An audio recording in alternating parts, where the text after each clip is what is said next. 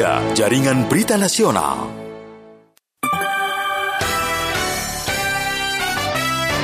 Indonesia Menyapa Pagi. Indonesia Menyapa Pagi masih bersama saya Fahmi Andrian di sini. Pendengar, kita akan memasuki dialog layanan kesehatan ya. Ini kerjasama FKUI dan RRI tentunya. Dan hari ini kita akan tentunya membahas mengenai eh, THT ya. Dan eh, seperti apa? Langsung saja kalau gitu. Ini dia dialog kesehatan.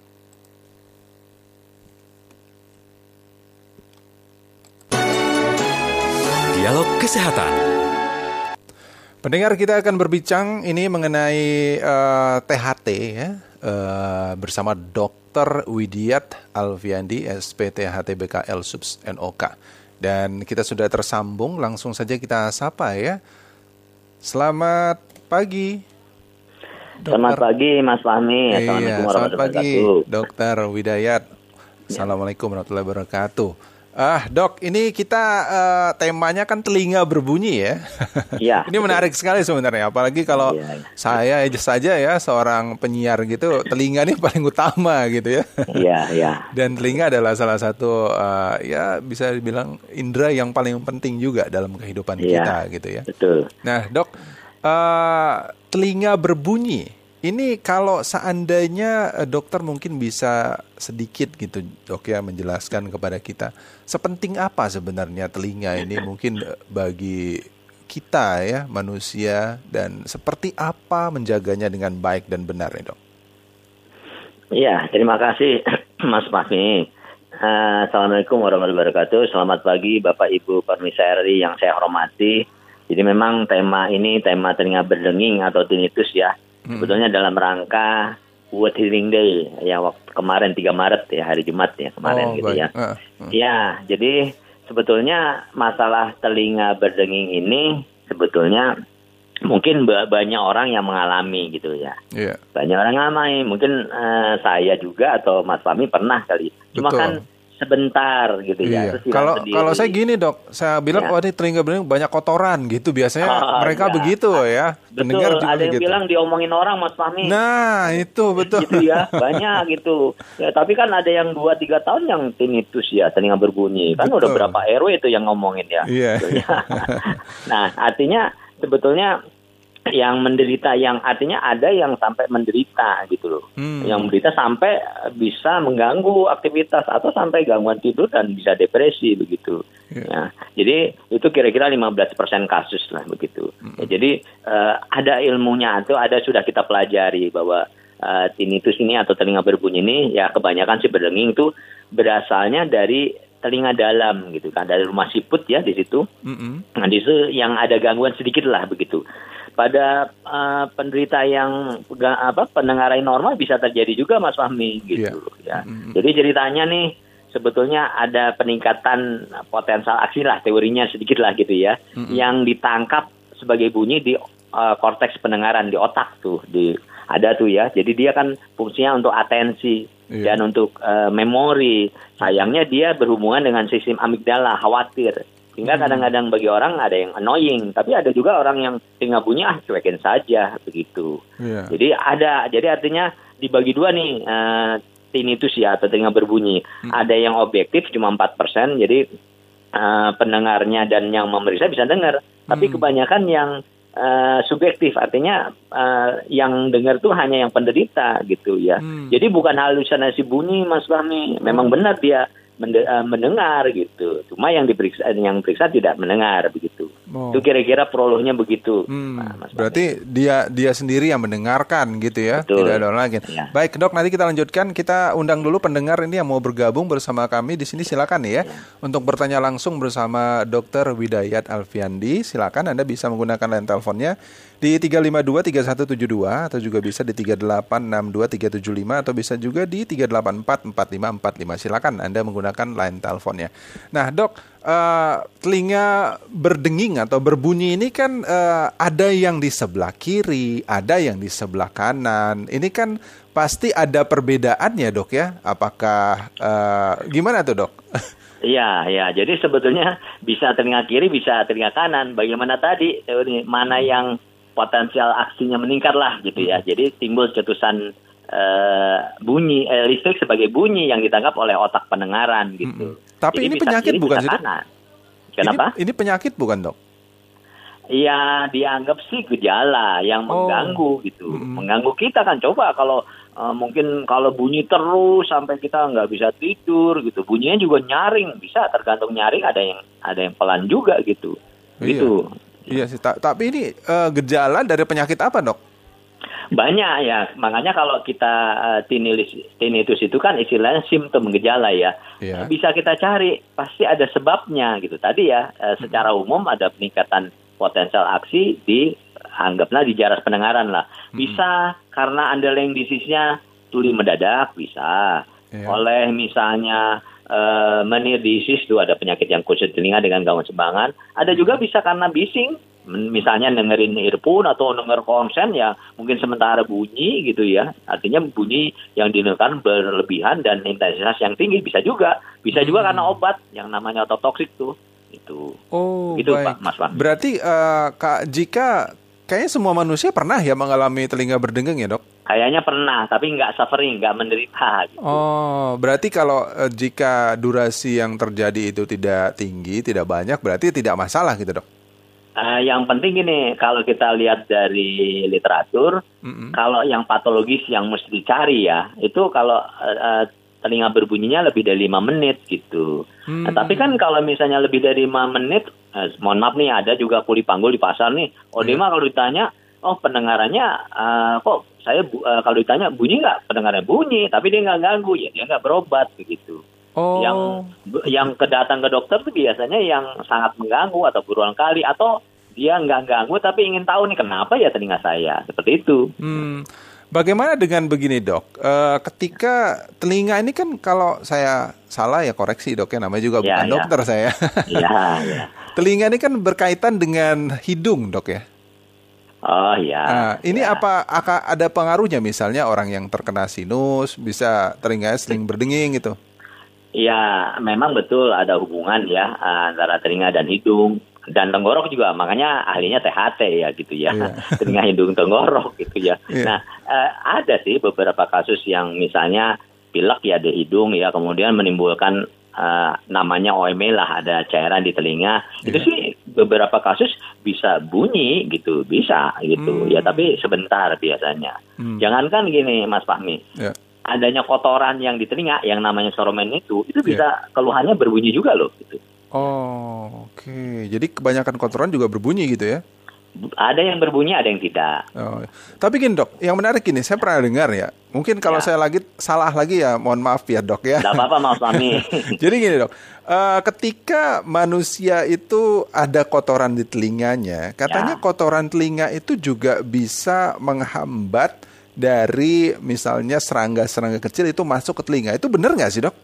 Oh iya, jadi begini Mas Lami, itu yang namanya serumen itu kan kalau orang bilang kotoran, padahal mm-hmm. serumen itu berguna. Tadi ya, mm-hmm. itu kan mm-hmm. sebagai perlindungan di telinga gitu. Jadi kita jangan ngorek-ngorek mengambil uh, kotoran itu, biarkan oh. saja gitu. Mm-hmm. Jadi untuk melindungi telinga, baik dari jamur, baik juga dari serangga kecil gitu ya oh. jadi dia nggak mau serangga kecil tuh cuma kalau ke situ ya kesasar dia gitu ya tapi nggak mau di situ gitu yeah. nah, jadi oh. sebetulnya setiap orang punya nih serumen nih ada kelenjarnya cuma hmm. ada yang di, dengan gerakan ngunyah akan keluar tuh sendirinya gitu. Tapi ada juga yang penuh menyumbat. Nah hmm. itulah ke dokter THT saja gitu, menjadi oh. dokter jadi dokter THT jadinya tuh. Kalau sudah mengganggu, barulah ya. uh, ya. apa datang ke dokter. Tapi kan sebenarnya ya. nggak gitu juga kan. Kita sebenarnya untuk mengontrol telinga itu kan ada jangka waktunya kan dok ya?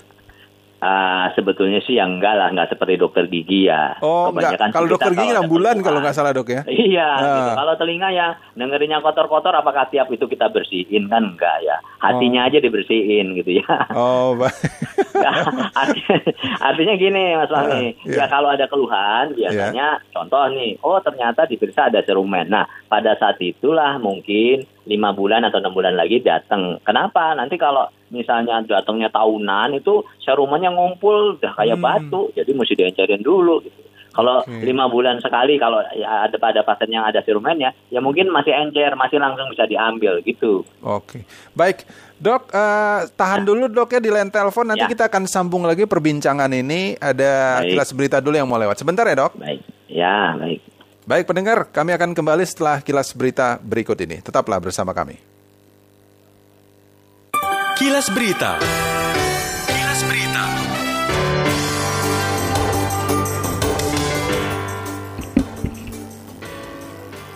Badan Meteorologi, Klimatologi, dan Geofisika BMKG meminta masyarakat untuk mewaspadai adanya potensi hujan petir disertai juga dengan angin kencang di sebagian wilayah DKI Jakarta pada siang hari ini.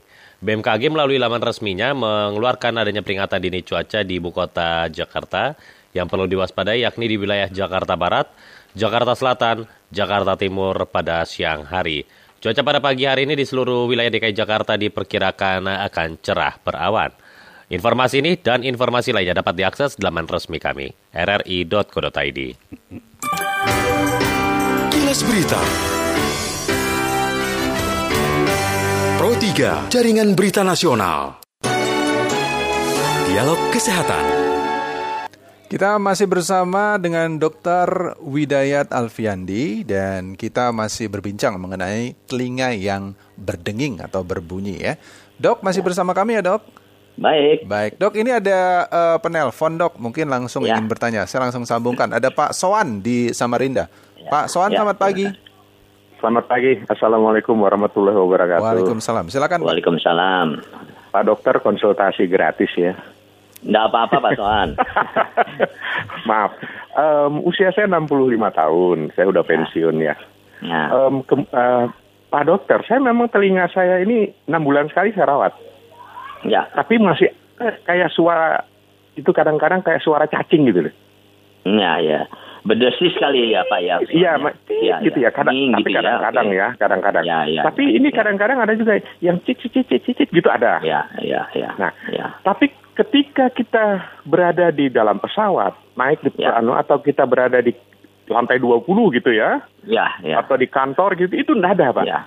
Ya, Apa tuh ya. karena tekanan udara, pencemaran udara suara di bawah atau gimana Pak ya? Tapi kalau kita berada di Tugu Monas itu ada. Ya, ya, ya. Di atas, karena kan udaranya terbuka. Tapi ketika berada ya. di udara tertutup, itu gimana? Pertanyaan saya, Pak Dokter, ya. bagaimana mengatasi permasalahan-permasalahan ini supaya tidak mengganggu secara psikologi terhadap diri kita? Ya. ya. Ini Pak Soan, Pak Dokter ya. mengganggu nggak Pak Soan? Uh, bunyi itu mengganggu Pak Soan nggak selama ini? Uh, selama ini sih enggak, cuman saya ada khawatir ya, ya. ada khawatir oh, ya. gini. Ya, ya. Setiap setiap enam bulan saya ke dokter THT itu ya, disemprot ya. itu ada dicuci disemprot ya. itu. Ada serumen ya itu ya keluar ya. ya gitu. Serumen itu enam bulan sekali tujuh bulan saya datang gitu ya. ya. Ketika tidak terganggu sih Pak Dokter. Cuman saya ini kenapa ya telinganya ada apa ya? Apakah lingkungan atau memang telinga ya. saya yang rusak gitu ya? Ya. ya, ya. Baik, Terima kasih Pak Dokter ya. Baik, terima kasih. Ya. Yo, assalamualaikum. terima kasih. Waalaikumsalam. Pak Soan nah, mungkin saya jawab ya. Ya, langsung Pak, silakan. Ya, ya, terima kasih. Terima kasih Pak Soan ya. Jadi ini memang uh, banyak juga yang seperti Pak Soan mengalami gini. Jadi ya ini ya termasuk telinga berbunyi begitu. Tapi kan Pak Soan sudah merasa biasa beradaptasi begitu. Jadi sebetulnya tadi kalau penyebabnya sih sebetulnya dari jarak pendengaran dari tinggal luar ya seperti ngomong tadi sampai korteks pendengaran itu bisa terjadi penyebabnya. Tapi nggak usah khawatir, kita tuh nggak mesti dicari penyebabnya. Yang penting kita akan menghilangkan persepsi bunyi, kan persepsinya di kepala begitu. Hmm. Ya, jadi artinya uh, yang penting adalah ya mungkin nanti ke dokter akan disingkirkan dulu nih sebab bahaya nih. Tapi saya yakin kalau Pak Soan alam ini tidak bahaya gitu ya. Apalagi nanti kalau dicek pendengarannya simetris atau pendengarannya sama-sama uh, kanan dan kiri normal begitu. Jadi bisa terjadi begitu Pak ya tadi yeah. Ya. uh, kok di suatu lingkungan ya uh, atau di suatu tempat yang ketinggian bukan karena itu sih ya.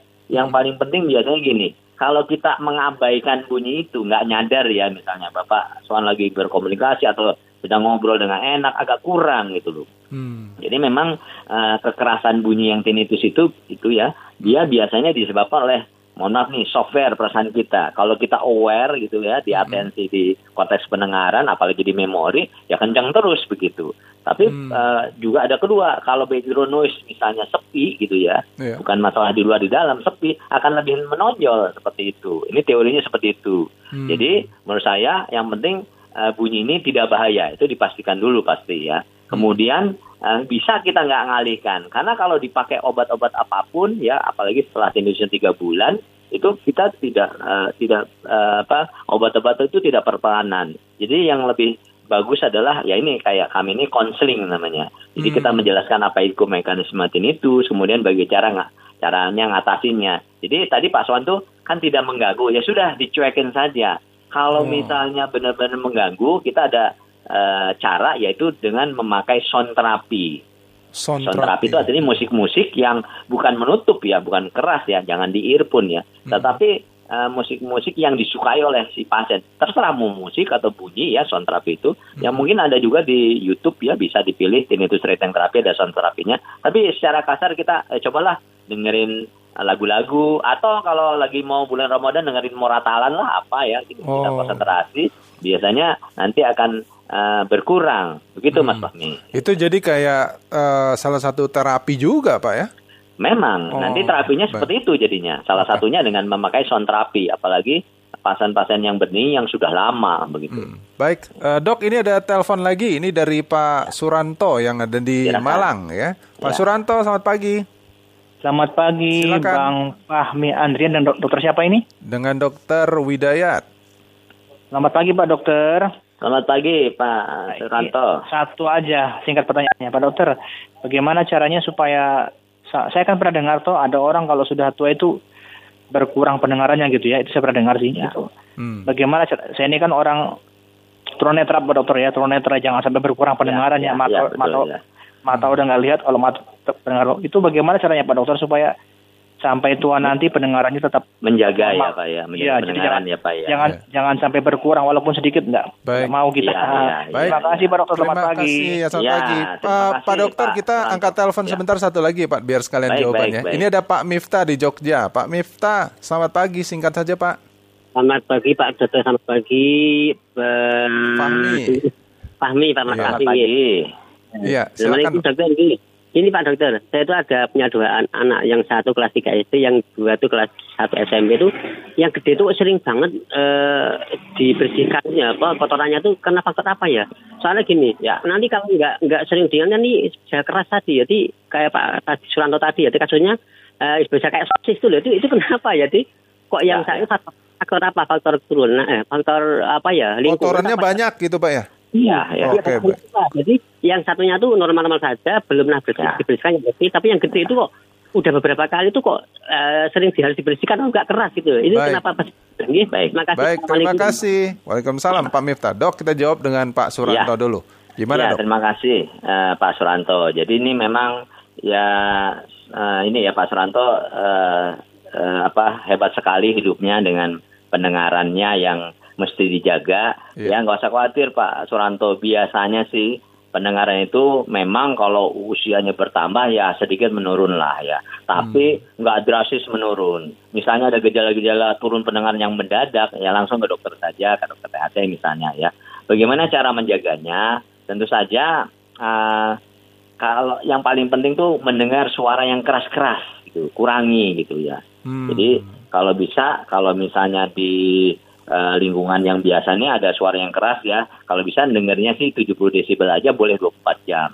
Kalau di uh, apa di occupational itu kan 85 desibel 8 jam. Terus misalnya 83 dari 3 ya 80 8 desibel hanya 4 jam gitu ya hmm. dan seterusnya ya jadi itu yang paling penting nah bagaimana kalau memakai earphone misalnya nah earphone ada lagi nih konsepnya yeah. hmm. kalau bisa memakainya 60 60 artinya yang 60 pertama itu 60 persen dari outputnya maksimal output. Misalnya maksimal outputnya 10, kita cuma 6 strip aja gitu ya. Yeah. Nah, kemudian 60 kedua tuh cuma 60 menit per hari, 60 menit. Jadi itulah yang mungkin agak menjaga, eh, menjaga nih ya uh, supaya pendengaran nggak tambah turun.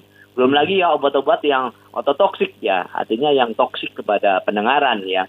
Yeah. Seperti sirapomisin, sistatin, nanti kan nanti kita utarakan saja. Uh, ini kita supaya obatnya nggak termasuk yang ototoksik. Tidak semua obat.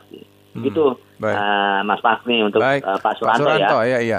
Ya. Ke Pak Miftah nih, yang Pak satu. Minta, ya, nah. ya, terima kasih Pak Minta. Jadi begini Pak Minta, memang serumen itu memang agak unik ya. Jadi masing-masing telinga aja berbeda. Ada individual sendiri begitu. Ya yeah. apalagi tiap orang juga berbeda dan ini hmm. terus terang nggak diturunkan ya gitu ya. Hmm. ada yang keras seperti anak pertama Pak Amirta ya. Ada yang sehingga enam bulan atau lima bulan dibersihkan. Ada yang biasa saja. Harusnya serumen itu kan dengan gerakan ngunyah nguap sendiri. Ada yang kayak minyak aja biasa nguap. Ada yang kayak korma gitu ya. Ada yang kayak batu gitu Nah itu individual sekali. Nah Baik. yang memperberat uh, kondisi menumpuknya serumen ya misalnya tadi pakai earphone atau ngorek-ngorek telinga gitu. Baik. Itu malah memperberat. Begitu Mas Fahmi. Baik, kalau begitu dokter terima kasih banyak nih sudah bergabung bersama kita di sini. Mudah-mudahan sharing dari dokter ini bisa uh, didengarkan, bisa menjadi salah satu acuan juga Sebenarnya banyak banget ini pertanyaan yang ingin saya tanya, dok. Ya. Tapi batas, terbatas waktunya. Iya, iya. Mungkin lain waktu kita bisa ketemu lagi di uh, on air baik, ya, dok ya. Iya. Baik, ya. kalau gitu selamat pagi, dok. Salam sehat selalu, dok. Pagi. Wassalamualaikum warahmatullahi wabarakatuh. Waalaikumsalam warahmatullahi wabarakatuh. Itu dia Dokter Widayat Alfiandi, SPTHT BKL Subs NOK dan uh, sebagai spesialis ya THT. Uh, mudah-mudahan saja perbincangan ini bisa bermanfaat untuk Anda.